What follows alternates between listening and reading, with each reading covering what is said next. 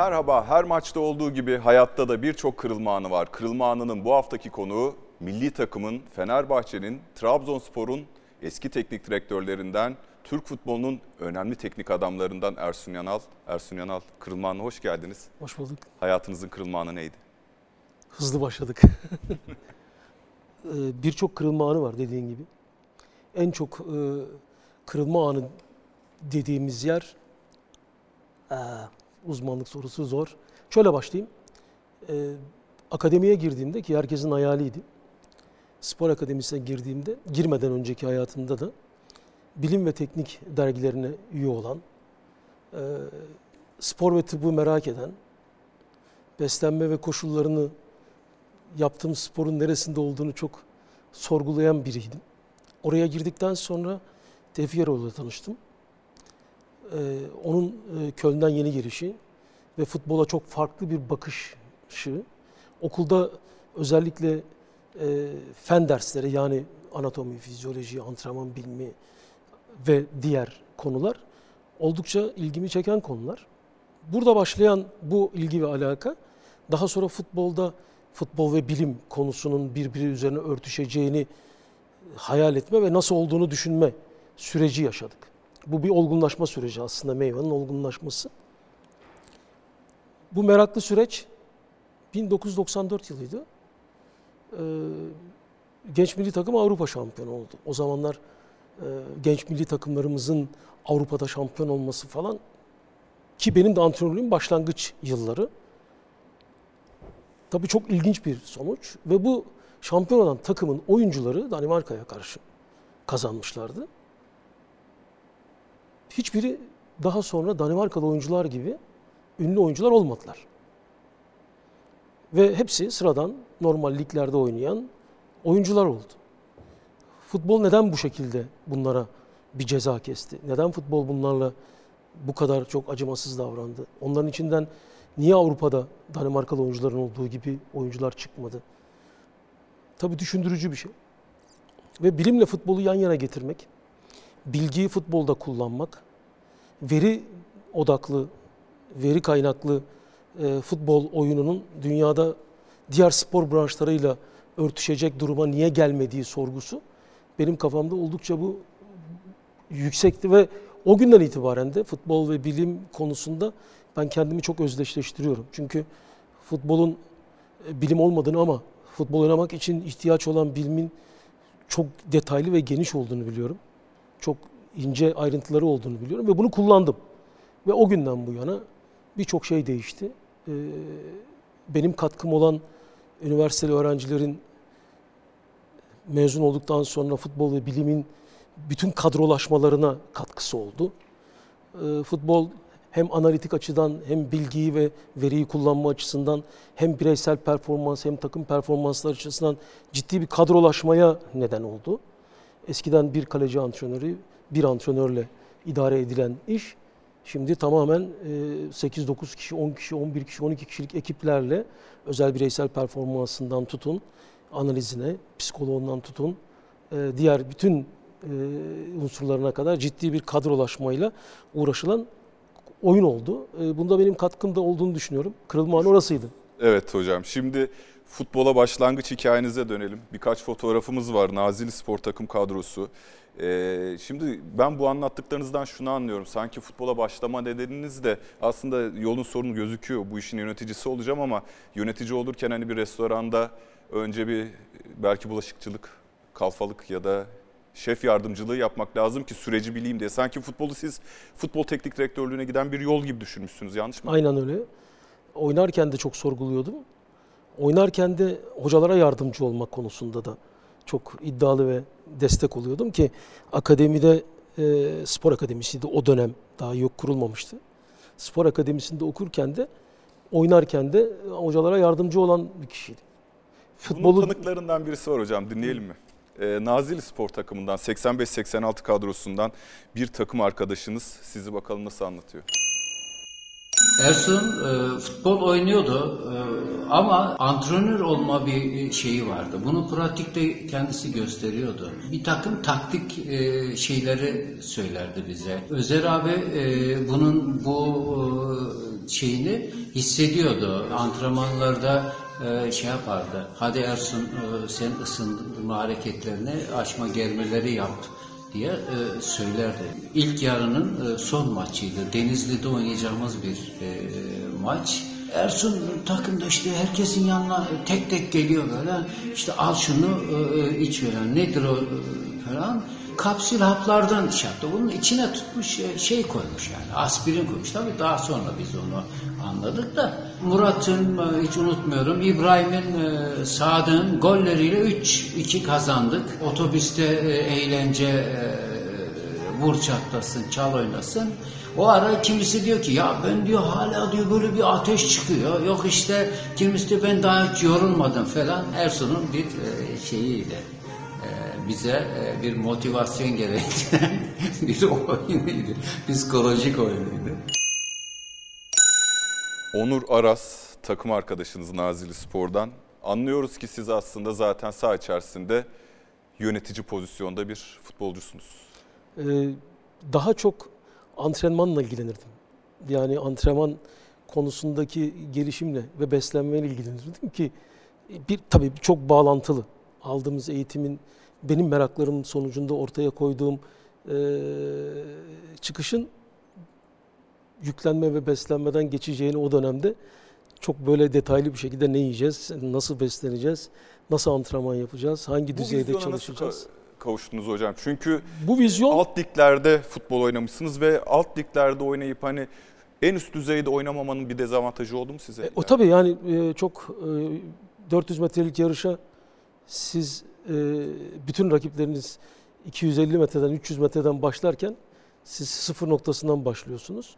Ama bu bir taraftan da avantaj. Çünkü birçok şeyi yaparken, denerken, uygularken çok di- ciddi deneyim kazanıp öğreniyorsunuz da aynı zamanda.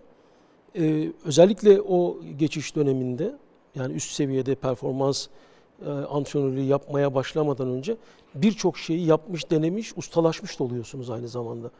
O dönemi ben ilk o performansa yönelik e, noktaya geldiğimde birçok konuda ustalaşmıştım da zaten. Özellikle teknoloji konusunda oldukça ustalaşmıştım. Ve kendim operatördüm. O konuda avantajlarım var. Teknolojiye nasıl ulaştınız? Şimdi ben Endüstri Meslek Lisesi elektrik bölümü mezunuyum. Sanat okulu okudum. Ondan önce babamın işinden dolayı işte babam da elektrikçi. Elektriğe ve elektroniğe çok merakım var. Ee, çok küçük yaşlardan itibaren bu fen konusunda oldukça meraklıyım ve Bilim ve Teknik dergisine üyeyim. Her ay e, büyük bir heyecanla onu alır ve okurum. Üniversiteye başladıktan sonra yani spor akademisine girdikten sonra ben iyi bir sporcuyum. Voleybol oynadım, üst düzeyde atletizm yaptım, yardımcı uzmanlığım yüzme, basketbol oynadım. Yani bütün spor branşlarında iyi bir sporcuyum. Ama iyi bir futbolcu muyum? Ee, ben benim seçimim iyi bir futbolculuktan çok iyi bir oyunculuktu. Yani antrenörlüğe geçişi nasıl yapabilirim? Akademiye ilk başladığım günden beri yani Tevfik Eroğlu ile tanıştığımızdan bu yana hep onu düşünürdüm. Antrenörlük benim için bir hayaldi. Bu hayalimi gerçekleştirmek için yol bulmalıydım. En güzel yol teknolojiydi bir. Teknolojiye ulaşmanın yolları çok kolay çünkü e, dünyada siz eğer bir şeyleri takip ediyorsanız, meraklı olduğunuz konuyu, hobiniz olan konuyu merak ediyorsanız bunu çok rahat buluyorsunuz ki teknoloji benim hobim. Sonuçta e, bana ben kadar yakın her konuda, her şekilde onu bulup ulaştırabiliyorum. Örneğin 1993-94 sezonu, 95'e geçiş 95 sezonu polar saatler Türkiye'de yok. Almanya'da var. 7 tane polar saat aldık. O zamanki parayla 7500 mark tuttu. Yaklaşık bir tanesi 1000 mark civarı. Yönetim ikna etmek zor olmadı. Hayır kendi cebimden aldım. Yönetim. Kendi cebinizden aldınız. Onu o zaman kime ikna edeceksiniz? Yani böyle bir alet var takacaksınız Evet, ve sizin için şu şu şu verileri verecek ve bu verileri kullanacaksın dediğinde sana uzaylı gibi bakıyorlardı. E, Bugün hayatımızda e, bu veriyi kullanmak bir küçücük cep telefonuna yaklaşık 1 terabayt Evet. Muftın üzerinde bir küçücük e, cep telefonunda bir terabaytın üzerinde. Bu da ne demek? Bu da e, bir takımın neredeyse iki, iki buçuk aylık görüntüleri dahil e, size görüntülü bir şekilde analiz yapabilecek bir altyapı demek. Elinizin altında ve merhaba dediğinizde hemen açıp takımınızın o haftaki veya veya da 5-6 hafta önceki bir pozisyon e, durumunu anlayabileceğiniz bir veriyle size döküyor demek. Yani cebinizde taşıyorsunuz bunu. Bu o günkü koşullarda belki biraz daha büyük bir aletin içine sığıyordu ama bugün artık çok daha küçük smart bir takım e, programlarla size geliyor. 5 Mayıs 96 deyince aklınıza bir şey geliyor mu hocam? Çok şey var. Süper Lig'de Denizli Spor Teknik Direktörüsünüz. Bitime 6 hafta kala Ümit Kayağan'ın yerine, onu da saygıyla anıyoruz Allah rahmet Ümit Hocayı. eylesin sevgili hocam. Ee, çok sansasyonel bir galibiyet alıyorsunuz, seyredelim. Ersun Yanal e, sezona Ümit Kayağan'ın yardımcısı olarak başlamıştı. Ümit Kayağan'ın ayrılmasından sonra takımın başında Mehmet Kale orta Amir kafayı vuruyor ve 3-0 oluyor karşılaşma. İnanılacak gibi değil. Gerçekten Denizli Spor sadece gol için geliyor. Geliyor, gol atıyor, dönüyor. Fevzi son derece üzgün. Amir golün sahibi ve 63. dakika işte Amir'in gol sevinci. İlk golü atan Amir 3. golünde sahip oluyor. Ersun Yanal çok heyecanlı. Genç teknik direktör Ersun Yanal Süper Lig'deki ilk galibiyetini alıyor. Belki bu dönem çok da başarılı değil ama çünkü takım başında da kaldığınız dönemde aldığınız bir galibiyet var. Ardından bir kere daha Denizli Spor'a geliyorsunuz. Bu ayrı ama şimdi seyrederken genç Ersun Yanal teknik adamın düşüncesiyle şimdiki düşüncesi futbola bakışı ne kadar farklı? o günkü dünya ile bugünkü dünya arasında e, belki nefes aldığımız hayat aynı ama e, o kadar çok değişik objeler var ki, o kadar değişik tarz ve yapı var ki bir kere futbol çok daha ticari. Bir kere futbol çok daha o günkünden acımasız. Bir kere daha futbol o günkü e, insani duygulardan çok daha uzak. Daha sert, daha Peki Katı. gençken e, düşündüğünüz ve olgunlaştıktan sonra ya gençliğinize dönüp baktığınızda ya ben ne kadar safmışım dediğiniz ne var? En çok nerede yanılmışsınız futbolla alakalı? futbolla birlikte evrildik. Yani futbolla birlikte değiştik. Futbolun değişimi 90'lı yılların bu günlerinde başladı. Ticaret futbolun içerisine korkunç derecede güçlü bir şekilde, daha doğrusu para korkunç derecede hızlı girdi. Ve biz Türkiye'de futbolu e, bize 5 lira verdiler. Yani futbola 5 lira verdiler, 15 lira harcadık. Futbola 100 lira verdiler, 1000 lira harcadık. Acımasız bir şekilde futbolu işte geldiğimiz nokta belli. Çok hızlı bir şekilde aslında yükselirken tüketmeye başladık. O dönemde çok daha iyi oyuncular yakalayabiliyorduk. Çok daha fazla oyuncular yakalayabiliyorduk. Daha zengin bence, bence çok daha zengin futbolcu ordusu vardı. Bunların içerisinden çok daha zengin futbolcu üretebilirdik. Ama şimdi bu kadar zengin oyuncu kitlesi görmüyorum. Belki futbolda beni en çok tatmin edenlerden bir tanesi o zamanki, o dönemki genç oyuncu kitlesiydi.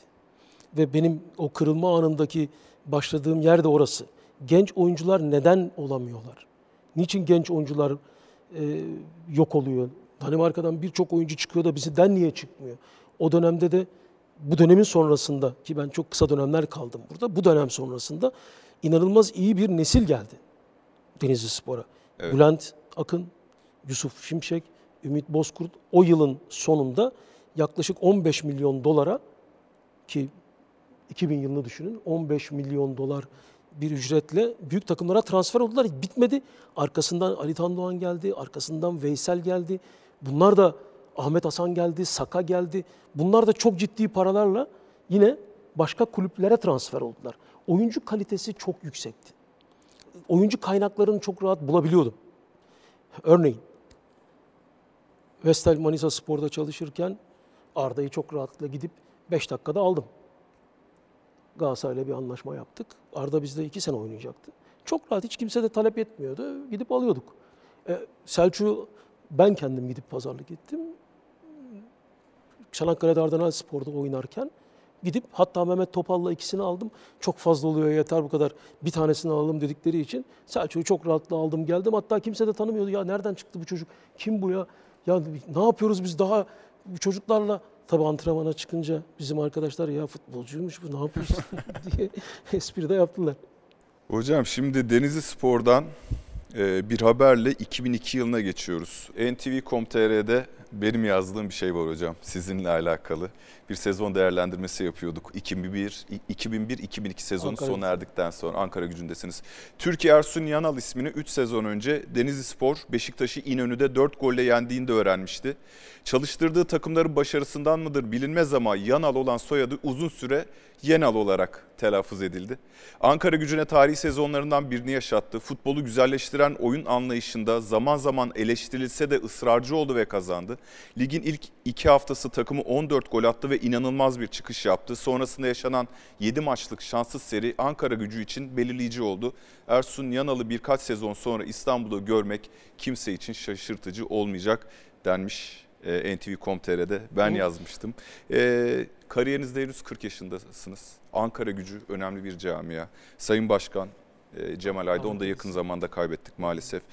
Hocam nasıl ikna ettiniz? O dönem 50 yaşına gelmemiş teknik direktörler için Türkiye'de stajyer tabiri kullanılır. Siz henüz teknik adamınıza 20 maçı herhalde doldurmamıştınız değil mi Ankara gücüne geldiğinizde? Şöyle aslında çok uzun zamandan beri teknik direktörlük yapıyorum oraya geldiğimde. Şöyle e, Denizli Spor geçmişim Allah rahmet eylesin nur içinde yatsın Ümit Kayahan'la başlayan o süreçte bir buçuk sezon zaten birincilikte görev aldım. Onun öncesinde e, Denizli Belediye Spor takımında başladım esas ben futbola. Sevgili Metin Öykü ve e, Ali Marım başkanımızın desteğiyle başlamıştım 89 yılında. E, daha sonra Sarayköy Spor 3. deneyimim oldu. Denizli Spor'a gelip Denizli Spor'da altyapı sorumlusu iken e, A takıma ikinci ligde Ömer Kaner hocamızın Evet. yanına yardımcı olarak alındım ve lige çıktık derken bu devam etti. Daha sonra Mitrovic Hoca geldi. Onunla da çalıştım ve bıraktım. Daha sonra Salih Spor takımına gittim. 7 maç olmuştu. Salih Spor takımında çok iyi bir çıkış yaptık. Çok kötü bir e, serüvenle başlamışlardı lige ve o takımdan oynayan bütün oyuncular Süper Lig'de oynadı. Aslında orayı iyi açmak lazım o Salih Spor takımı. Devre arasında kaleci Süleyman, kaleci Aydın ve Alitan Doğan Denizli Spor'a transfer oldu. Kaleci Süleyman bizde kaldı. Atilla Bursa Spor'a, Osman Altay'a, o zaman Süper Lig takımları bunlar. Serdal Boyraz vardı, Evet. e, Adem vardı, Çanakkale Dardaneli. Bütün oynayan oyuncularımızın hemen hemen hepsi ligde oynadı. O takımdan sonra ben Denizli Spor'a geliyorum ki çok komik bir şekilde bir transfer oluyor benim hikayem. İşte genç oyunculara olan inancımın o bilimsel metotlarla başlangıç hikayesi orada başlıyor. Denizli Spor'a ben şöyle geliyorum. İkinci ligde Denizli Spor son oynanan maç Büyük İstanbul Büyükşehir Belediyespor Eskişehir playoff ve çıkamıyorlar lige. Düşmüşlerdi ligden. Ben Salih Spor'da çalışırken Denizli Spor'da ikinci ligde oynuyor. Düşmüşlerdi. İkinci ligdeydiler. Ee, Sayın Feridun Basmacı İstanbul'dayım ve başka bir takımla görüşüyorum. Hatta görüştüğüm takım Malatya Spor.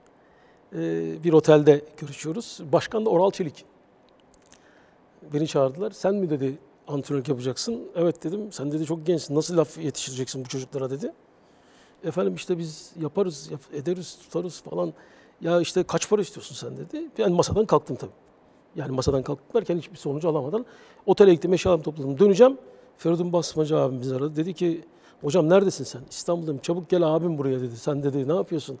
Gel bakayım sen buraya bir konuşalım seninle. Döndüm. Denizli Spor bütün oyuncu kadrosunu sattı.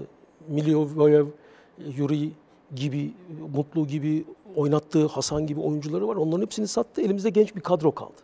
İşte bu Yusuf, Ümit, Bülent, genç Ali Tan Doğan'ı almıştık. Genç oyuncular kaldı. Takım iyi olduğunu ben biliyorum. Yusuf'u ikna ettim oynaması için. O ben gideceğim Karşıyaka'ya ben kalmayacağım burada derken Yusuf'u ikna ettik. Ve biz o sene aman ha playoff'lara kalmayın, ligden de düşmeyin denen takımla aslında iyi bir takım vardı. Kimse bunun farkında değildi. Biz o zaman yine benim en büyük şeyim o dönemlerde hep bütün genç oyuncuları tara, ara, bul. Benim böyle pasaklı menajerlerim vardı. Çok özür dilerim kimseye alınmasın. E, çünkü o insanlar hep böyle küçük takımları tararlar, amatör takımlardan oyuncu bulurlar. Böyle bir takım yarattık. Ve birkaç oyuncu takviyesiyle Veysel'i aldık mesela Nevşehir Spor'dan. Nevşehir neresi, Veysel neresi. Bunun gibi taramalarla o takım lige çıktı. Ve ligde de çok başarılı oldu. Ve dediğim gibi de o takımın ligden sonrası büyük. İşte o takımdan gelen e, 85 yılında okuldan mezun olduğu andan itibaren e, bütün her şeyi hayatımı antrenörlüğe adamış ben birçok aşamalardan geçtim. Orada aslında bir kadro var. Benim çalıştığım bir ekip var. Mesela Ankara gücünde çalıştığım ekip e, sevgili Aylin Çeçen Aksu spor hekimi. İzmirli. E, sevgili Semra Aksu'nun erkek Evet. kardeşiyle biliyorsun Ali'nin. Ali'nin eşi. Çok sevdiğim bir arkadaşım. Onun büyük desteği oldu bana. Ee, o gelip bizde testleri yapıyordu. O zaman test falan hayal yani. Ee, yani öyle test yapmak bir de testleri kullanmak. Hani o saatlerden bahsetmiştim. O saat ama Allah rahmet eylesin nur içinde yatsın. Ee, Cemal Aydın çok inandı ve inanılmaz bir destek olup bana istediğim her şeyi kurdu. Saatleri aldı, e, kuvvet salonu kurdu. Eskiden kuvvet salonlarının kapıları kilitlenirdi. Ben o dönemde kuvvet antrenörü çalıştırırdım. Kendim de bu işin operatörüyüm ama yani yetemezsiniz tabii çok kadro. O dönemde biz 7 kişilik kadroyla çalışıyorduk. Ve hem ilk defa analiz programları kullanmıştık. Yani o kadar birikimli ve dolu bir şekilde girdik ki herkes zaten bütün Ankara Gücü genç bir takımdı. O takımın birçok oyuncusu sonra Beşiktaş'ta, Trabzonspor'da oynadı. Ve o kadronun içindeki o genç oyuncularla buluşmamız ve onlara teknolojiyi ve bilimi anlatıp o çalışma kadrosuyla onlara o yaklaşımlarımız ki ilk defa görüntülü analizler o yıl kullanıldı. SIMI diye bir programdan alındı. SIMI diye bir program vardı. Tek maç yapabiliyorduk. Biz onları Aydınger kağıtlarına basa basa noktalarla birkaç maçı üst üste de analiz yapmaya başladık. Görüntülü analiz yapmaya başladık. Yani bir veriyle o verileri bilgisayardan çağırıp pozisyon anlatmaya başladık o dönemde. Ve bunu yapan bir ekibimiz vardı. Çok ilginçtir belki de ilk defa ilk defa kadın antrenör kullandık. Ankara gücünde 2000-2001 sezonunda bizim kadın antrenörümüz vardı. Şu anda kadın amil takımımızdaki Necla Güngör. Güneş diye bir kızımız daha vardı. Güneş de bıraktı. Hostes oldu. O götüremedi ama Necla götürdü ve Necla ile biz Vestel Manisa Spor'a kadar birlikte çalıştık. Ve kimse bunu ne yazdı ne çizdi. İşte bizim maalesef biraz e, tek kollu e, medyamız bu gibi şeyleri e, halka duyurmaktan yoksun. Yani sizin verdiğiniz soruya cevap şu. Benim 85 yılında okuldan mezun olup o dediğiniz 2000 yılına kadar geçen süreçte benim bir gün antrenörsüzlük geçmedi. Geçmedi. Ve o süreci ben aslında ustalık konusuna devşirdim. Peki Ankara gücünde 65 ilk sezonda 65 gol, ikinci sezonda 72 gol atıyorsunuz. Ligin en golcü ikinci takımı şampiyon Galatasaray'dan sonra. Ee, ustalık dediniz ya Ankara gücünde usta olarak hissettiniz mi kendinizi o takım? O döneme hiç kimsenin yapmadığı ustalıkları yaptık. Hiç kimsenin dikmediği elbiseyi diktik. Bilim var işin içerisinde. Şimdi ben diğerlerinden neden farklıyım ya da niye daha farklı sonuçlar aldım? Çünkü o dönemde kimse bu bilimle ilgili herhangi bir işlem yapmıyordu. Biz oyuncuların performanslarını çok ince detaylarıyla ve bilimsel destekler alarak spor hekimlerinden aynı zamanda ekibin içindeki bilimsel gelişimlerini sağlamış ve teknoloji yardımı almış insanlarla oyuncular sakatlanmıyordu. Oyuncuların üst düzey performansları, bireysel performansları yapılıyordu. Herkesin tek tek o dönemde bedensel kitle endeksleri ölçülüp uygun bedensel kitle endeksleriyle çalışmaları ve koşmaları sağlanıyordu. Rakiplerimize zaten farklı bir üstünlüğü zaten farklı yerlerde sağlamış oluyorduk. Burası ustalık. Ama acemilik kısmı, evet deneyimsizsiniz, heyecanlısınız, maçı belki yönetirken problem yaşıyorsunuz, belki oyuncu ilişkilerinde, yönetici ilişkilerinde problem yaşıyorsunuz ama işin teknolojik ve uygulama kısmında tecrübelisiniz.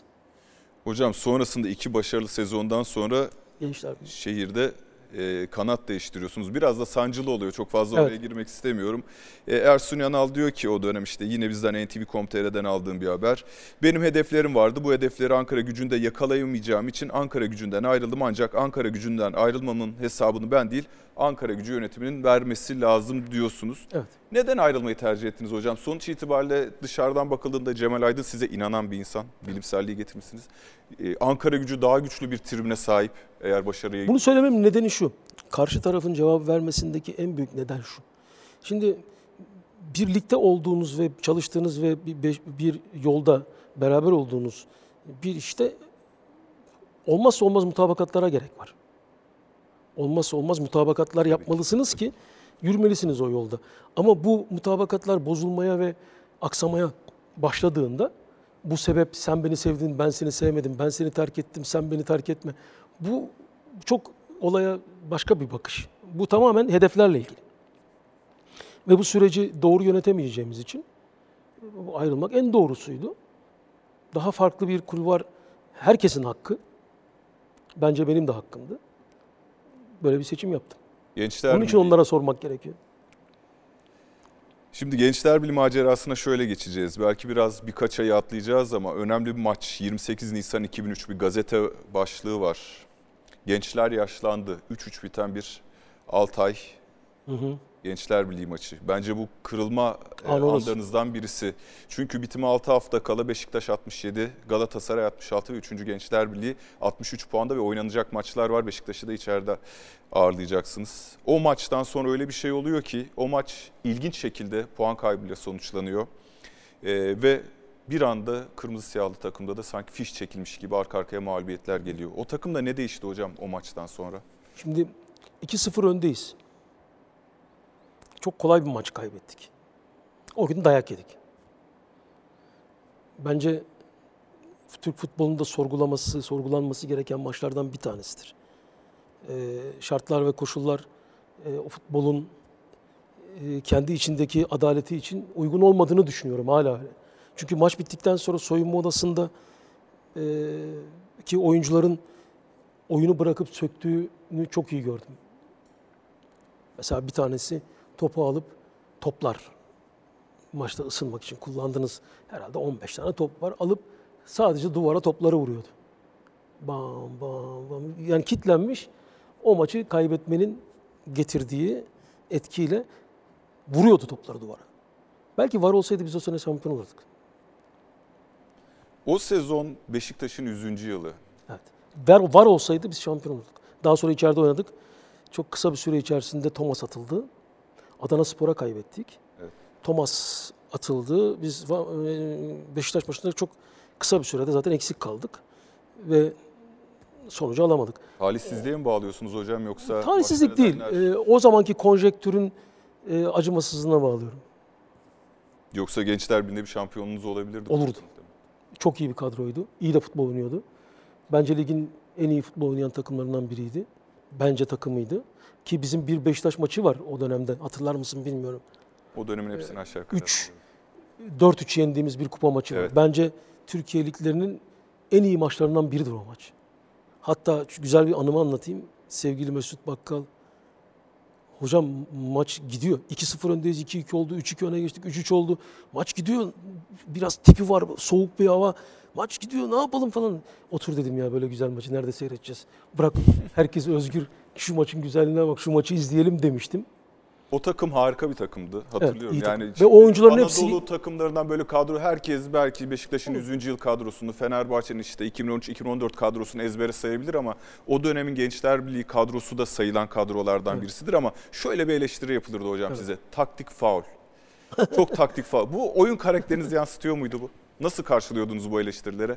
Ya hemen taktik faul yapıyorlar, oyunu oynatmıyorlar diye karşı takım geçiş yapmasın diye. Şimdi güzel bir şey söyledin, geçiş. Şimdi futbolun en yumuşak karınlarından bir tanesi iki geçiş oyunu. Birisi savunma geçişi, biri hücum geçişi. Şimdi o dönemde çok iyi hatırlıyorum. Biz geçişten bahsettiğimizde insanlar yüzümüze bakıyordu. Ne diyor bu ya? Ve bunu bir yerde bu şekilde yorumladılar. Taktik foul. Şimdi taktik foul değil. Biz geçiş yapıyoruz. Bu geçişi yaparken farklı geçiş süreçleri var. Önce topu kazanmak için geçiş yaparsınız. Alana sıkıştırırsınız. Öndeki geçiş alanını daraltırsınız. Takımı oraya doğru yığarsınız. Ama o top oradan çıkmaya başladığı anda siz o geçişin şiddeti ve hızı yüzünden ister istemez foul yaparsınız. Ama o faulü yaparken ki anda kazansanız gol atarsınız. Eğer doğru analiz edilirse o kazanılan anlarda atılan gollerin sayısı oldukça fazladır. O geçiş anında ki en yumuşak an odur. O geçiş anında kazanılan o kadar çok top vardır ki foul olmadan. O faulü yap, yapmasaydınız o geçiş olurdu ama faulde bir avantaj oluyor o zaman. Ve bunu sadece ben yapmıyorum. Bunu birçok dünya ülkesinde dünya takımları bunu çok bilinçli şekilde, organize şekilde yapıyorlar. Özellikle savunma geçişini oynarken, özellikle hücumda sayısal olarak biriktiklerinde bunu yapmak zorundasınız. Hep beraber davranmak, hep beraber bir refleks göstermek zorundasınız. O refleksi gösterirken kazanırsanız rakip takımın en zayıf olduğu an. Ama kazandığınız anda o golü atarsanız da sizin avantajınıza. E, yapamazsanız o şiddette foul yapabiliyorsunuz. Kaçırdığımız çok da olmuştur. Ama bu bir kurgudur, bir taktiktir, bir oyun felsefesidir, bir oyun çalışılmasıdır. Bu bir kere de iki kere de yapılacak iş değil. Sen faulü sen yapacaksın. Hayır. Bu ciddi bir şekilde çalışılır. Defalarca çalışılır. Küçük oyunlardan büyük oyunlara, büyük oyunlardan bölge oyunlarına, parça oyunlarına birçok geçe geçe yaparsınız bunu ve bu meşakkatli uzun bir süreçtir. Peki o dönem Gençler bir teknik direktörü olarak e, döneminizin önünde olduğunu hissediyor muydunuz? Başka teknik adamlara ilham verdiğinizi düşünüyor musunuz?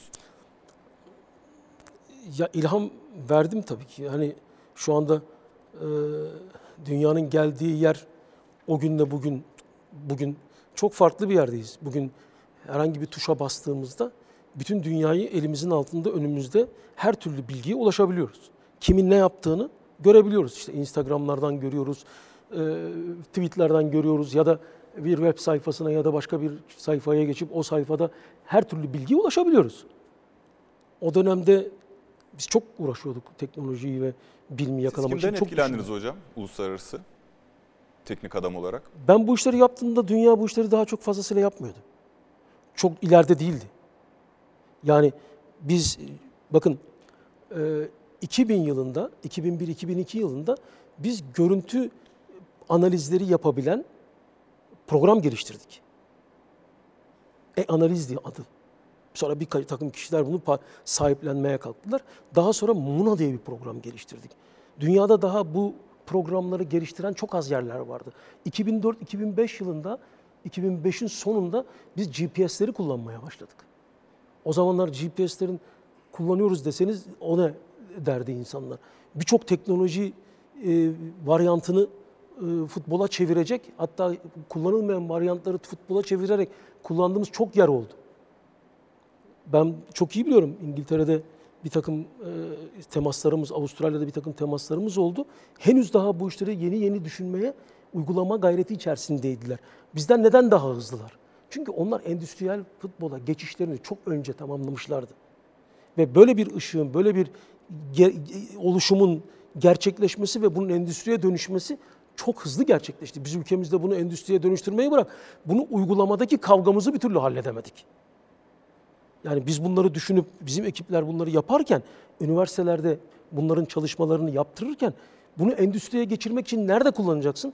Dünyada kullanmaya kalksan Türk olmak ve bunun reputasyonunu daha doğru yapabilmek için sıkıntı yaşıyorsun. Ama İngiltere'de bunu çözüyor olsaydın bunu ticari olarak da bazı endüstriyel faydalarını görüp değiştirebilirdin. Biz Türkiye'de bunu yapamadık. Yapamazsınız da. Dediğim gibi Muna diye bir programı çok rahatlıkla bugün kes yapıştır programları vardır. Evet. Yani sports kodlar gibi. O programın çok daha benzerini ve daha hızlı kullanımını yapmıştık. Ama bunu endüstriye çeviremezsiniz ki. Ben yaptım programı gelin kullanın hadi canım sen de ne kullanacağım programı deyip elinin tersiyle analiz programlarını inkar ediyorduk. Ben ayrıldığım takımlardan, Gençler Birliği'nden ayrıldığımda kapıya kilit vuruldu, kuvvet çalışılmadı. Kapılara kilitlendi. Hayır kuvvet çalışmayacaksınız. Futbolda kuvvet yanlış, ağırlaştırır dendi. O zaman dünya anahtarlı sistemleri kullanıyordu. Ben anahtarlı sistemler getirdim o zaman o dönemde bizim kulübe. Hala onlar duruyor. Başka daha değişmedi. Değişmiyor. Şimdi başka pneumatik cihazlarla bu işler yapılıyor. Bilgi işleme kaydediliyor. Hareket momentumu ölçülüyor. E, bilimin sonu yok hocam. Yani Peki, bilimin sonu yok. O zamanlar bilimin sonu yok dediğiniz şeylerde kapı kilitlenip çalışılmıyordu. E şimdi bunu nasıl endüstri haline getireceksiniz Türkiye'de? yurt dışında çalışmayı neden düşünmediniz hocam? Düşünmedim değil, çok düşündüm. Teklif mi gelmedi? Geldi. Son anda e, olmadı. Kulüp ismi verebilir misiniz? E, Yani e, doğru olur mu bilmiyorum. Almanya'dan bir kulüptü. E, Son dakikaya kadar her şey anlaşıldı. Ama son dakikada Hangi dönem? milli takım sonrası. 2005. Milli takım sonrası. Sonra Vestel Manisa'ya Ondan sonra Vestel Manisa Spor'daki proje e, Sayın Ömer Yüngül, işte tabii boş başta Sayın Zorlu olmak üzere e, çok önemli bir vizyon ortaya koydular. Hocam, O dönem başladı. Tabii bu Gençler Birliği sezonu deyince şu konuya girmeden olmaz. Hı hı. 13 Mart 2004'te Vatan Gazetesi'nden Yiğiter Ulu yazmış.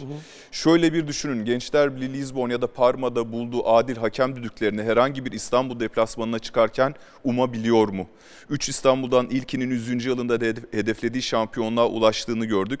Diğerlerinde aynı hoş rastlantıyı yaşamak için ağız şapırdatarak hazırlandığını biliyoruz. Böyle bir ortamda seyircisi az, medyada desteği sıfır, mütevazı bir Ankara kulübünün çıkıp UEFA Kupası oynadığı 7 maçtan 5'ini kazanması, ikisinde berabere kalması, üstelik de bu sonuçları Haziran'daki Euro 2004'ün en iddialı ülkelerinin İngiltere, Portekiz, İtalya ve nihayet İspanya temsilcisine karşı alması nasıl anlatılabilir? Galiba en iyisi Gençler Birliği'ne bataklıkta açan çiçek demek demiş. Bu maç Valencia ile oynadığınız ve kazandığınız ilk maçtan sonra yazılmış. Sizin futbolunuzu sanki test edilip de onaylandığı bir platform gibi o sezonki UEFA Kupası böyle hissettiniz mi? Yani çok iyi oynuyorduk. Şimdi demin sizin sorduğunuz bir soru var. Bizim en iyi yaptığımız şey o dönemde oyuncularımızın e, analizler sonucunda bu oyunu, bu oynayacağımız oyunun temel e, temellerine bağlılığı çok sıkıydı. Bunu çok iyi özümlemişlerdi. Ve tüm oyuncular buna katılımı olağanüstü derecede iyiydi. Hiç kimse sorgulamıyordu. Bu inanç çok gelişmişti. Ve oyuncu karakterleri, ki burada çok önemli bir noktaya değinmek istiyorum.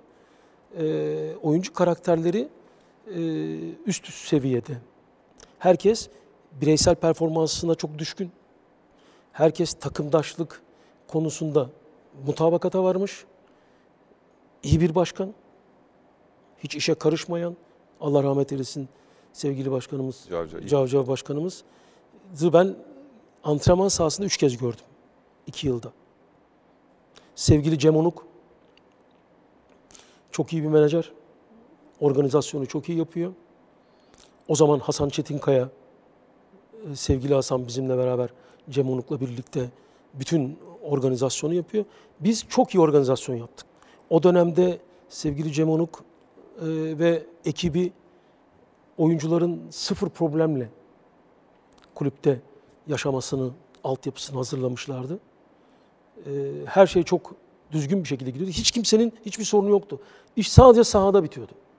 Ve herkes sahada son derece konforlu bir alanda işini yapıyordu. Konforlu alan ne demek? Başkan karışmıyor.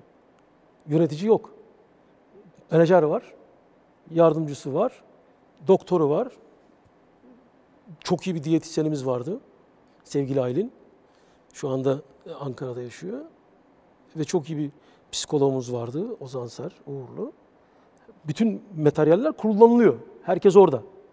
Ve hiç kimse kimsenin işine karışmıyor. Organizasyonlar belli.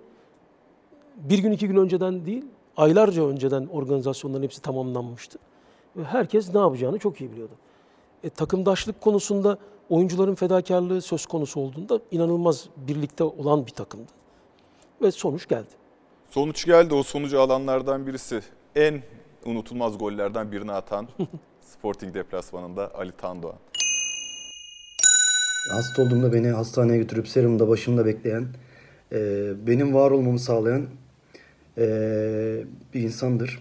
Ersun Hoca yeniliklerin hocasıdır. Yani biz onunla öğrendik analizleri, yağ ölçümlerini, testleri, e, maç analizlerini. Bunlar e, o dönemdeki futbolda hiç bilinmeyen şeylerdi ama e, Türk futboluna çok şey kazandırdığını düşünüyorum. Birçok oyuncuyu kazandırdı, bizleri kazandırdı. Türk futbolu onunla, da, onunla beraber e, hem büyüdü, daha da büyüyeceğine inanıyorum ben. Antrenmandan sonra e, top alıp önce boş kaleye frikikler kullanarak sonra kaleciyi alarak e, vurmaya başladım. Ve arkadaşlarım da orada stretching yaparken hocamla beraber beni izliyorlardı. Ben de gol attıktan sonra yanlarına gidip yumruk şov yapıyordum. Bir Sporting Lisbon, UEFA'da Sporting Lisbon maçı oynadık. Ve burada topun başına iki arkadaşımız geçti. Ee, ben de topa vurmak istediğimi söyledim. Arkasından ee, çok güzel bir vuruş yaptığımı düşünüyorum. Ee, tabii bunların hepsi çalışmanın eseriydi. Ee, sonrasında golden sonra hocaya doğru koşmaya başladım, hocama doğru. Ee, o da biliyor benim e, ona neden koştuğumu. Kendisi size programda bunun detayını anlatır. Ali Tandoğan neden koştu hocam? Ben ona kızıyordum. Ee, sen korkaksın diyordum. O ben korkak değilim diyordu. Yok ben inanmıyorum senin korkak korkaksın diyordum. Çünkü sen cesur ve özgür davransan her vurduğun top gol olur diyordum. O da bana diyordu ki ben korkak değilim. Sonra golü attı. Bana ben korkak değilim diyor. Koşmaya Hocam başladı. peki teknik direktörlük hayatınızda potansiyelini kullanamayan, çok büyük potansiyele sahip olan ama bir türlü açığa çıkartamamış oyuncu kim? Yusuf Şimşek. Çıkartamamış hali bu mu? Yusuf Şimşek. Korkunç bir oyuncu. Korkunç bir yetenek.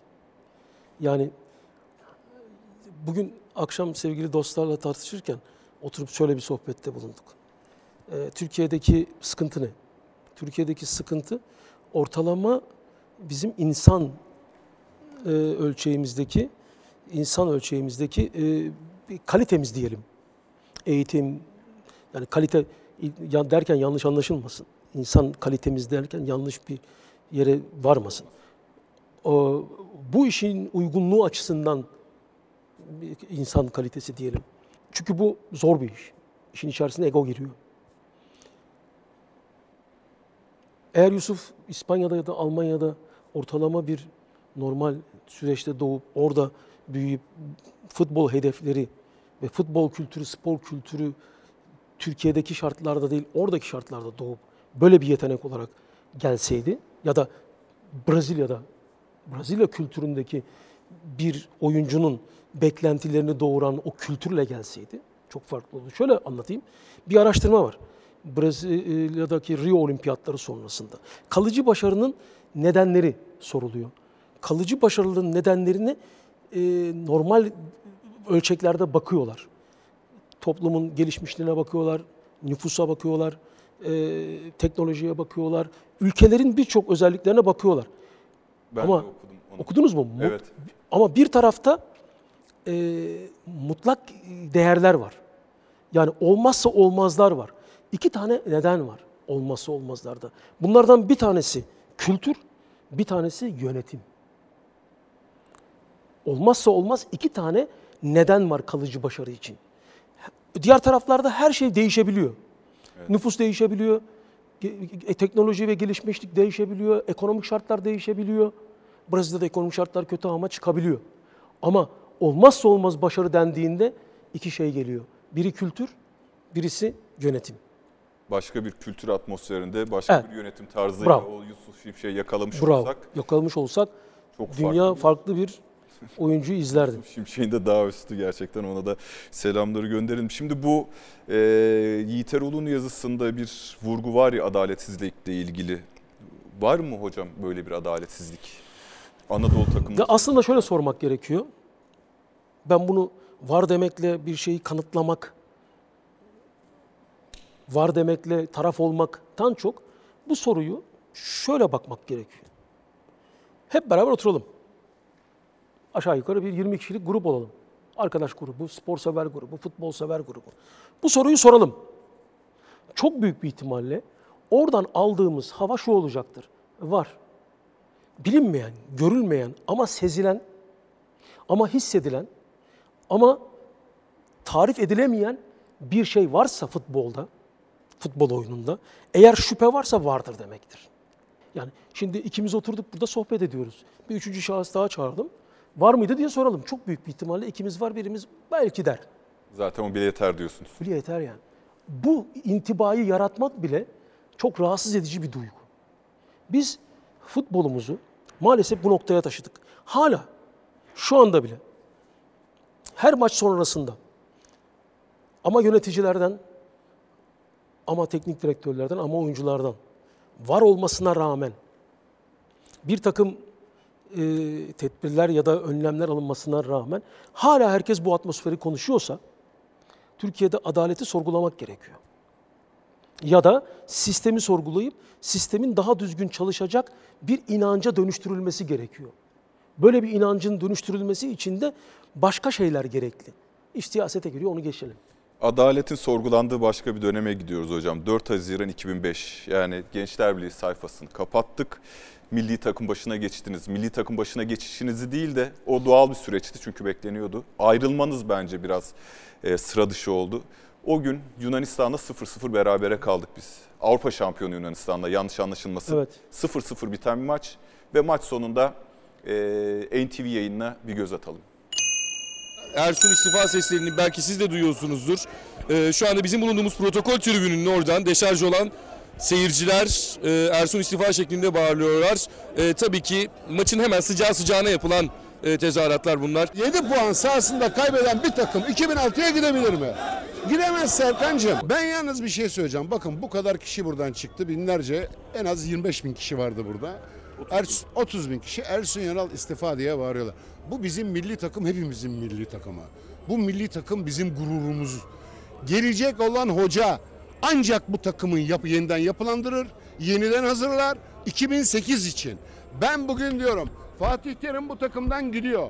Yurt dışında bir takıma. Bugün federasyonumuz oturup Fatih Terim'le şu Kazakistan maçından sonra bu takımı teslim etmeli. Ama bu 2006 için değil. Artık hayal kurmayalım. 2006 bizim için bitti. Biz gidemeyiz Almanya'ya. Bu günden 4 gün sonra Kazakistan'ı yeniyor milli takımımız deplasmanda ama Eylül ayını göremiyor Ersun Yanal milli takım başında. Böyle de bir atmosfer var. Kolay pes ettiğinizi düşünüyor musunuz hocam? Milli takımdaki görevinizden. Şimdi şöyle düşünelim. O dönemde Yunanistan'la iki maçta berabere kaldı. Evet. İlk maç Pire'de ve Yunanistan olimpiyatları da düzenlemişti o yıl biliyorsunuz. E, dünyada en büyük iki organizasyondan bir tanesi. Hatta dünyada en büyük organizasyon Dünya Kupası olimpiyatlar. Ve arkasından da Avrupa Şampiyonası gelir. Ve Yunanistan bu üç organ, büyük organizasyon ikisini kazanmış. Bir daha söyleyeyim.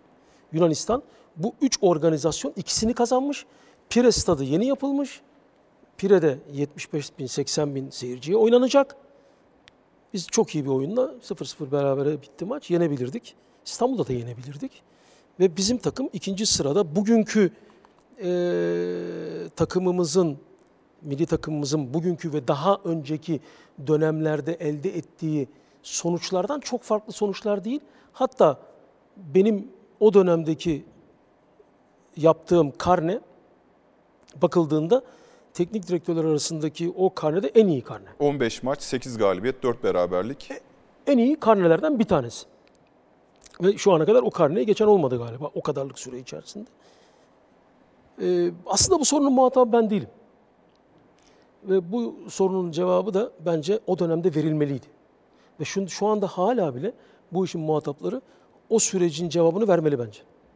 Benden sorulmamalı. Hocam peki 3 büyük kulüpten birine mal olmuş olsaydınız daha kolay olur muydu? Bir daha tekrarlıyorum. 3 kulüpten birine mal olmuş, büyük kulüpten birine Şimdi- mal olsaydınız sahipsiz hissettiniz mi Ben o dönem üç kendinizi? kulüpten birine mal olmadım ama benim mal olduğum futbol. Ben futbola mal oldum. Futbol bana mal oldu. Sonuçta ben futbolun bir partneriyim. Ee, yaklaşık e, 17 18 yaşından itibaren antrenörlük için e, hayatını ortaya koyan, çalışan, e, tırnaklarıyla kazıya kazıya her e, safhayı geçen, Denizli'den çıktım, Denizli'de bile no name ismi olan bir adam çıkıp eğer böyle bir yere geliyorsa onun kime mal olduğu, kimden geldiği sorgulanacağına, çıkan o değerlere sahip çıkmak bence ülkenin Çünkü o dönem Galatasaray camiası sizi eleştiriyor. sorgul, sorgulanmalı diyorum bence. O dönem bence iyi sorgulanmalı. Fatih Terim Bunu benim- hissettiniz mi hocam? Bunu benim bunu benim söylüyor olmam taraftır. Ama benim tarafım tarafından söylenmeyip bu tarafsız bir taraftan bakılarak söylenirse Türkiye çok ciddi bir şekilde e, kendini bu konuda e, eleştirmiş ya da değiştirmiş olacaktır. Fatih Terim baskısı hissettiniz mi hocam? Yok hayır. Yok. Hiçbir Çünkü baskı. Ben Galatasaray işimde- ve milli takım Yok. gerçeği Fatih Hoca'nın kariyer O ayrı bir şey. O saygı duyulacak bir kariyer. Ee, Türk antrenörlüğü için gerçekten hepimizin saygı duyduğu bir büyüğümüz. Ve başarılarıyla da alkışladığımız bir büyüğümüz. Onun yapmış olduğu teknik direktörlük duruşu konusunda hiç kimsenin söyleyecek bir sözü olamaz. Ortada her şey. Bu bir rekabet ya da bir dönüşüm olarak değerlendirilmemeli. Bunun sorumlusu ya da bunu bu şekilde getiren o kişi değil. Bu Türkiye'deki bu işi yönetenlerin hesap vermesi gereken ya da bilgi vermesi gereken bir şey. Bırakma noktasına ne getirdi sizi o zaman milli takımı? Dediğim gibi onlara Karne sorumlu. başarısız değil aslında. Onlara sorulmalı. Biz deplasmanda Gürcistan'ı, deplasmanda Kazakistan'ı, deplasmanda e, Danimarka'yı o zamanki takımlarda iyi takımlar. Danimarka da çok iyi bir takım. Ve bizim iki tane maçımız kaldı. Biz sadece Ukrayna'ya mağlup olduk. Biz eğer iki tane maçımızı, Ukrayna maçımızı, içeride oynayacağımız Danimarka maçını kazandımsak da biz çıkıyorduk. Ki biliyorsun playofflara kalındı. Playofflarda bir İsviçre rezaleti yaşadık. Orası maalesef Yani. öyle. Ee, yeterli desteği de aldığınızı düşünüyor musunuz? Hayır. Ya sorgulanacak şey sevgili demek bence e, gerçekten o tarihin e, yöneticileri, o tarihin sorumluları bu konuda cevap vermeliler. Ben de bilmiyorum çünkü. Ve milli takım dönemi sona erdikten sonra Vestel Manisa Spor'a geçiyorsunuz. Vestel Manisa Spor'da da inanılmaz bir başlangıç. 2 Ekim 2006 CNN Sakarya Spor deplasmanda 1-0 yenerek galibiyet serisini sürdüren ve Türksel Süper Lig'de 8. haftayı da lider tamamlayan Vestel Manisa Spor'da sevinç yaşanıyor deniyor. Ee, 2005-2006 sezonunda geliyorsunuz Levent Eriş'in yerine Vestel Manisa Spor'a. Ee, o sezonu 12. sırada bitiriyorsunuz ama bir sezon sonra inanılmaz bir 9 maçlık seri 7 galibiyet var. Ee, ama ardından da 16 maçta bir galibiyet. Şimdiki futbol aklınızda bu inişle, bu çıkışla bu inişi nasıl değerlendiriyorsunuz? Anlamlandırabildiniz mi? Kafamda? Tabii anlamlandırıyorsunuz. Ee, he- hedefler ve amaçlar başka yola doğru evriliyor. Çünkü biz oraya oyuncu yetiştirmek, oyuncu üretmek, Türk futboluna oyuncu kazandırmak. Birinci şartımız oydu. İkincisi bu oyuncuları yetiştirip ve o oyuncuları kullanırken o takımda başarılı bir e, süreci, sonuç sürecini de yönetebilecek bir duruma gelmek istedik. Çok kısa bir süreydi aslında ikisinin bir araya gelmesi. Arda gibi, Selçuk gibi, Caner gibi, Hakan Balta gibi, e, Filip da. Polosko gibi birçok genç oyuncuyu, hepsi 20'li yaşların başlarında genç oyuncuları bir araya getirip onları bir arada tutmak ve oynatmak çok zordu. Ee, Caner'i çok kısa bir süre içerisinde CSKA Moskova'ya sattık ki o zamanki parayla bayağı yüksek bir meblağdı o dönem için. 3 milyon euronun üzerindeydi galiba. Ee, diğer oyuncularımıza büyük talipler başladı. Oyuncuların aklı gitti. Ee, bu arada Vestel, Manisa Spor'da Vestel desteği bırakma kararları gündeme geldi. Onlar buradan çekilmek istiyorlardı. Ve o süreç karışıklığa geldi. Ve Sakarya maçı bir Cüneyt Çakır yönetimi var. O maçta bir olay çıktı. Ee, ve- Cüneyt Çakır e, ülkemizin en başarılı hakemi. Evet, yüzde yüz. Orada bir olay. Ya şimdi başarılı derken biz bir süreçten bahsediyoruz. Ee, bu süreçte başarılı. O maçta kötü olabilir, kötü maç yönetebilir. Ee, o maç olmaması gereken bir maçtı. Sevgili kardeşimiz, bizim teknik heyet, heyette bulunan Metin o maçtan sonra 3 yıl ceza aldı. O süreç bizi e, bırakmaya kadar götürdü. Ve maalesef e, o süreçte orada kalmak e, devam etmek zordu. Ve o süreçte biz e, üzülerek e, olmamamız gereken bir yerde, olmamız gereken bir yerde olmamayı seçtik. Bu program içerisinde adı şimdiye kadar defalarca geçen bir isim var o günlerden. Evet. Tabii Selçuk İnan. Öncelikle hocam sizi çok seviyorum. Hocamın yeri bende çok ayrıdır. Hem Manisa Spor'da hem de Trabzonspor'da hocalığımı yaptı. Transferimde önemli bir payı vardı. Ee, benim gibi e, Türk futboluna nice oyuncular kazandırmıştır. Tecrübesiyle, bilgisiyle hep önemli bir e, idol olmuştur benim için. Ama ondan da önemlisi e, hocam çok iyi bir insandır. Onun kalbi çok güzeldir. E, inanıyorum ki dostluğumuz, ilişkimiz ömür boyu devam edecek. Ee, hocam sizi çok seviyorum. Program boyunca bir konunun hep kıyısına geldik geldik ama konuşmadık. Ben buraya çünkü bu e, Selçuk İnan videosundan sonrasını saklamıştım. Hep adı geçen Arda Turan, Selçuk İnan, Yusuf Şimşek, Caner Erkin, Deniz Barış, Bülent Akın, Yusuf Yazıcı, Okan Koç belki birçok yıldız futbolcunun Süper Lig'de forma giymesini sağladınız. Ben burada küçük bir kamuoyu araştırması da yapma arkadaşlar arasında. Ersun Yanal denince evet bilimsellikten bahsediliyor, antrenmanlardan bahsediliyor. E, Gençler Birliği'nden Fenerbahçe'deki başarıdan bahsediliyor ama şöyle bir algı var. Ersun Yanal genç futbolcuların hani lideridir gibi bir algı yok. Türk futbolunda bunu e, çağrıştıran başka teknik direktörler var. Sizce kendinizi bu anlamda iyi ifade edebildiniz mi medyada? Ben de şimdi senden bunu duyunca çok böyle kafamda farklı bir şey e, şekillendi. Bu gerçekten yok, doğru. Ama kazandırdığımız oyuncuların sayısı çok fazla. Evet, Mesela neden Şu da yok. Bence şu da yok. Gal- Galiba iletişim. Ama artık profesyonel bir iletişim ekibiyle çalışacağız. Artık bundan sonra bunu daha iyi anlatmanın yollarını bulmak gerekiyor. bir ekip e, olmayı e, ve bu ekiple çalışmayı karar verdik. E, sevgili Ali Er Göç- Göçmez e, ve e, Barış kardeşimizle biz bizler e, Özgür Özgür Engin kardeşimizle bizler daha profesyonelce insanlara bunu anlatmanın yollarını seçmemiz gerektiğini düşündük. Bu sorunun cevabı aslında burada yatıyor. Çünkü e, bunun altında yatan neden şu. Ee, Ankara gücü. Denizli Spor'dan başlayayım. Denizli Spor'da çok küçük bir yaş ortalaması var. Evet, Mehmet Altıparmak gibi deneyimli bir oyuncu, Tanser gibi deneyimli bir oyuncu, Yaşar gibi, Hasan Şermet gibi deneyimli oyuncular vardı. Kemal, Kara Kemal vardır meşhur bizim Gaziantep'li stoper. Ama bunların yanında kaleci Süleyman gibi, Aydın gibi ve e, Bülent Akın gibi, e, Ali Tan Doğan ve e, Ümit Bozkurt gibi genç oyuncular var. Ve bunlar bir anda o sene 15 milyon dolar nakit paraya Tolunay Kafkas Galatasaray'dan Bülent Akın'la takas etti ve 7 milyon dolardı. Hiç unutmuyorum. Evet doğru. E, 4 milyon dolara Ümit, 4,5-5 milyon dolara Yusuf. Büyük paralara gittiler. E, oradan ben Ankara gücüne gidiyorum. Ankara gücünde e, ilk sezon e, Niyazi, Ramazan, e, Bakırköy'den aldık. Aldığımız gün ayağı kırıldı. Sevgili Emre. Galatasaray'a transfer oldu. Evet, Stoper Güngör.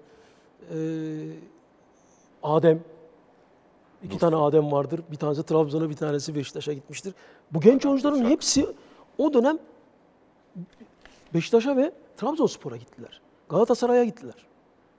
Yani bir tane iki tane oyuncu değil. 7, 8, 9, 10'ar tane. Celalettin Trabzon'a gitti. Ramazan Trabzon'a gitti. Ee, Agustin Trabzon'a gitti. Doğru. Bir anda hepsi transfer. oldu. Adem, küçük Adem Trabzon'a gitti. İkinci sezonda da yani bir ve ikinci sezonda bunların hepsi gitti. E, Gençler Birliği'ne geliyorsunuz. Gençler Birliği'nin tümü gitti. Okan Beşiktaş'a gitti. Ali Tandoğan Beşiktaş'a gitti. Ümit Beşiktaş'a gitti. Ee, Serkan Balcı. Serkan Balcı Fenerbahçe'ye gitti. Barış Fenerbahçe'ye gitti. Ee, Philip Ya Deans Deans, Mönchengladbach'a gitti. Thomas Zebel Bochum'a gitti. Yani bir anda hemen hemen herkes Yula Beşiktaş'a gitti. Veysel Beşiktaş'a gitti. E, geliyoruz Vestel Manisa Spor'a söylememe gerek yok. Hepsi gitti. E, oradan geliyoruz. Eskişehir Spor macerası var benim. Trabzon'a gittiğimizde Trabzon'da çok iyi bir kadro kuruldu. İşte şampiyonluğu oynadı, şampiyonluğu alamadı dediği kadro. Selçukların gittiği kadro. Yarışan kadro. Oradan Eskişehir Fe- Federasyon'a geldim. Federasyonda e, gelişim direktörlüğünde çalıştım iki yıl kadar. Sonrasında Eskişehir Spor'a geldiğimde Eskişehir Spor'da da Alper Putuk, Tarık Çamdal, Erkan Zengin, Sezer Öztürk. Sezer Öztürk. Sezer Öztürk ben şeyi aldım. Ee, Manisa Spor'a aldım. Sezer Öztürk Doğru. Manisa Spor'da. Vestel Manisa Spor'da oradan tekrar oradan çıktı. E, geldiğinizde Yusuf Yazıcı, bizim ufak Abdüş, e, Okay ikincilikten aldık Okay'ı Kayseri'den. Onu yurt dışına sattılar. Yani bayağı büyük oyuncu grubu her sene gitti. Yani Say say kulüplere zarar bitmiyor. ettirmedim Allah'a çok. evet an- yani biraz da herhalde E, kaleciler var. anlatmakta. Anlatmakta sıkıntı var ama işte profesyonel arkadaşlarımız anlatır artık. Evet. Şimdi Trabzonspor'a geçiyoruz. Trabzonspor bölümünü biraz yerel medya üzerinden konuşmak istedim. Çünkü herhalde belirleyici oldu. İlk döneminiz değil, ikinci döneminize gidelim. Şöyle bir başlık var. Sizden yine beklenti büyük. Karadeniz gazetesi diyor ki İstanbul ayaklarının altında. Çünkü Trabzonspor Galatasaray'ı mağlup ediyor. 3-0 kazanmıştınız hatırlayacaksınız. Bu fetih burada bitmez. Yanal komutasındaki Trabzon artık affetmez. Ersun Yanal'ın komutasındaki Trabzonspor'un askerleri daha önce defalarca yıktıkları İstanbul saltanatını bir kez daha yıkmak için arenadan yola çıktı ve Kartal'a, Kanarya'ya, Cimbom'a korku saldı diyor. Ee, üç başkanla çalıştınız Trabzonspor'da, üç dönem. Ee, sizce Trabzonspor'da üç kez e, çalışmanızı sağlayan şey neydi? Çünkü kupada kazanmadınız. Neden Trabzonspor tarafından üç kez İlk tercih edildi? Trabzon'a gittiğimde Nuri Bey vardı ve devre arasında çok ciddi bir değişim yaşandı. Sezon sonunda da 20 e, ya 26 ya 28 oyuncudan ayrıldık ve o e, kadro yani ikinci sezondaki Sadri Bey'in başkanlığındaki aslında dört başkanla çalıştık. Evet doğru. Ben de notlarıma şimdi bakınca hata ettim. Ee, ve başkanlık değişince 26-27 oyuncudan devre arasından başlayarak aslında kadro değiştirmeye gittik orada. Biz kadroyu revize etmeye gittik. Birinci şart buydu. İkinci koşuldaydı e, yine bir takım kuralım ve en azından şampiyon olmak değil ama biz iyi bir kadroyla lige tutunalım ve ligin üstüne tutunalım ve bunu şampiyonluğu oynayacak bir kadroya dönüştürelim diye iki yıllık bir kontratla gitmiştim. İkinci sezonda işte bu Selçuklar, Çale, Evet. Kolman, Kolman. e, Serkan Balcı vardı. E, Song, Egemen, e, Yatara vardı, Umut vardı. Umut'u unuttum. Umut da Ankara gücünde Doğru. aldığımız ve yolladığımız oyunculardan bir tanesidir. Umut Bulut. Evet. O sevgili Umut'u unutmayalım. O da önemli başarılara imza atmıştır ki hala, Hala atmaya ediyor. devam ediyor hepsi. Hala. Onu da PTT'den almıştık Ankara'da. Ankara gücüne. Orada da çok önemli bir sonuç elde etti. Genç oyunculardan bir tanesi Evet. oydu o zaman. E, bu takımı kurduk. Bu takımda e, ciddi başarılı oldu bu takım. Daha sonra ben ayrıldıktan sonra takıma iki ya da üç oyuncu katıldı. Bir stoper alındı. Jaja alındı galiba. İki, iki ya da üç oyuncu. O takım bayağı iyi bir performans yaptı. Şampiyonluk yarışında kafa kafaya gitti. Son dakikada şampiyonluğu kaybetti. İyi bir kadroydu. İkinci gidişimde e, Sayın İbrahim Hacı Osmanoğlu vardı. E, ben Fenerbahçe'den ayrılmıştım ve Halil Odzic teknik direktördü. Bir transfer politikası izlenmiş. Takım kurulmuş ve şampiyonluğu oynayacak takıma transferler yapılacak diye gittik. Şartlar, koşullar her zaman aynı olmuyor. Aynı fikirde olsanız bile aynı eylemde bir türlü bulaşamadığınız da oluyor. Trabzon çok e, uzun süre şampiyon olamadı ve sabırsız ve şampiyonluğu yakalamak için de zorlayıcı bir takımdı. Ve iddialı ve yarışmacı bir gruptur Trabzon. Bu süreçte ilk yıl o dediğiniz sizin okuduğunuz 3-0'la başladığımız yıl sonunda anlaşamadığımız yerler oldu. İkinci dönem başlayacak. Okay'ı transfer ettik. Sezon başında ben e, hem sağlık hem başka bir işimden dolayı Amerika'ya gittiğimde döndüğümde bazı oyuncuların olmaması gerektiğini savunuyordum. Burada fikir birliğinde buluşamadık. Sayın İbrahim Hacı Osmanoğlu'yla oturduk medenice e, el sıkışarak ayrıldık. Ve e, o takım yarım kalmış oldu. Yani yarım sezon çalışmış oldum ben ikinci sezonda. Tam çalışmadım.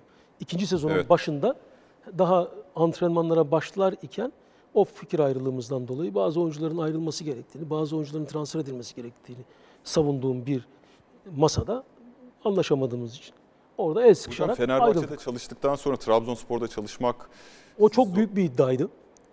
Çok ısrarla geldiler.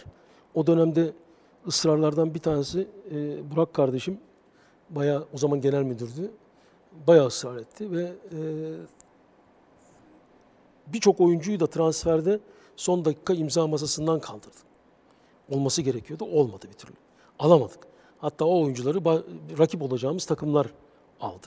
Bunlardan bir tanesi Ozan, bir tanesi Tolga Yalı Arslan. Onlarla masadan kalktık yani. Bunları almak üzereydik. Almıştık hatta.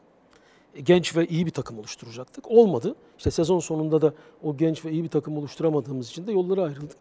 E, bazen iş kazası yapabiliyorsunuz. E, bu da e, hem Trabzon için hem benim için aslında sonuçlanmayan bir maceranın sonu oldu. Peki şöyle bir de diğer tarafından soralım. Üst üste iki kez Trabzonspor'da çalıştıktan sonra daha önce Fenerbahçe'yle de şampiyonluğa ulaşmışsınız. Bir daha Fenerbahçe'den teklif gelmez diye çekinmediniz mi? Bir de bir 2010-2011 sezonu var. Büyük Şimdi şöyle, yaratan. Ee, eğer işinizi doğru yapıyorsanız ve hiçbir şekilde taraftarlık angajesine girmiyorsanız e, ve futbol adamıysanız, futbol için eğer çalışmanızı, emeğinizi ortaya koyuyorsanız çok büyük bir problem olduğunu düşünmüyorum. Ben de bu tarafsızlığı temsil ettiğimi düşünüyorum. Çünkü sonuçta biz futbol emeğiyle uğraşıyoruz ve o emeğin bir yere gelmesiyle kendimize kazanç, takımımıza kazanç, taraftarına kazanç sağlamaya çalışıyoruz. Asla herhangi bir şekilde bir fanatizmin temsilcisi değilim ben. Herhangi bir camianın fanatizmine de hizmet etmem. Ben futbolu merkez alırım, futbola hizmet ederim ve futbolun çıkarları için uğraşırım. Benim için bulunduğum yer, bulunduğum kurum futbolun çıkarlarına hizmet etmelidir. Ben öyle düşünüyorum. 6 Ocak 2015 daha doğrusu arada bir kırılma haberi var. Balıkesir Spor 3 forvetle Ersun Yanalsa Fener'in ajanı gibi Cardozo'su sahaya çıktı. Cardozo senin gözüne girsin diye Taka gazetesi bir manşet atmış. Dedim ya biraz önce yerel medyadan gitmek istiyorum diye. Trabzonspor'da çalışırken size en çok ne zorladı hocam? Şimdi Trabzon'da, Trabzon kentinde yaşamak ve orada bulunmak bir ayrıcalık. Gerçekten çok samimi söylüyorum. Orası e, herkesin e, düşündüğü ve ta- tasarladığı gibi çok büyük bir fanatizmle seni rahatsız edecek bir yer değil. Trabzon çok misafirperver, insanları içine alan sıcak bir kent. Ama söz konusu futbol saati geldiğinde, o söz konusu futbol saatinde her şey ayrılıyor. Futbol saati bittiği anda yine herkes aynı samimiyet içerisinde kalabiliyor.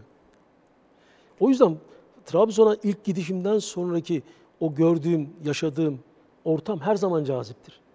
Çünkü Trabzon kentinde futboldan başka hiçbir şey düşünemezsiniz. Futboldan başka bir şey koklayamazsınız. Karşınızdaki komşunuzdan yanınızda oturan arkadaşınıza kadar herkes futbolun içindedir. Ama sizi gerçekten özel yaşamınızda, hayatınızın içinde rahatsız etmezler. Ama medya, Trabzonspor söz konusu olunca evet buna katlanabilirsiniz.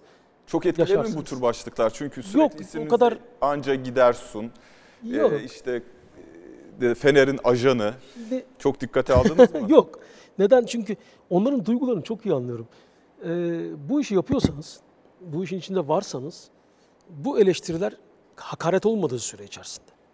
İşin içerisinde hakaretin sizi küçük düşürecek, ailenizi, eşinizi, çocuğunuzu ezecek, şiddete dönüştürülebilecek e, immalar olmadıktan sonra bunun gerçeği bu. Siz bu gerçekle yaşamalısınız. Ve bu gerçeğin içerisinde siz bununla yaşarsanız daha mutlu olursunuz. Bunu öğreniyorsunuz zamanla. Ama işin eğer diğer can acıtıcı kısımları karakterinize, kişiliğinize, ailenize e, ve sizin e, kendi canınıza eğer kast varsa o zaman üzülüyorsunuz tabii. Sayın Ersun Yanal'la Kırılma Anı'nın kariyerinin ilk bölümünü ele aldık. Gelecek hafta Kırılma Anı'nda Fenerbahçe, yaşanan süreç ve daha fazlası var. Görüşmek üzere.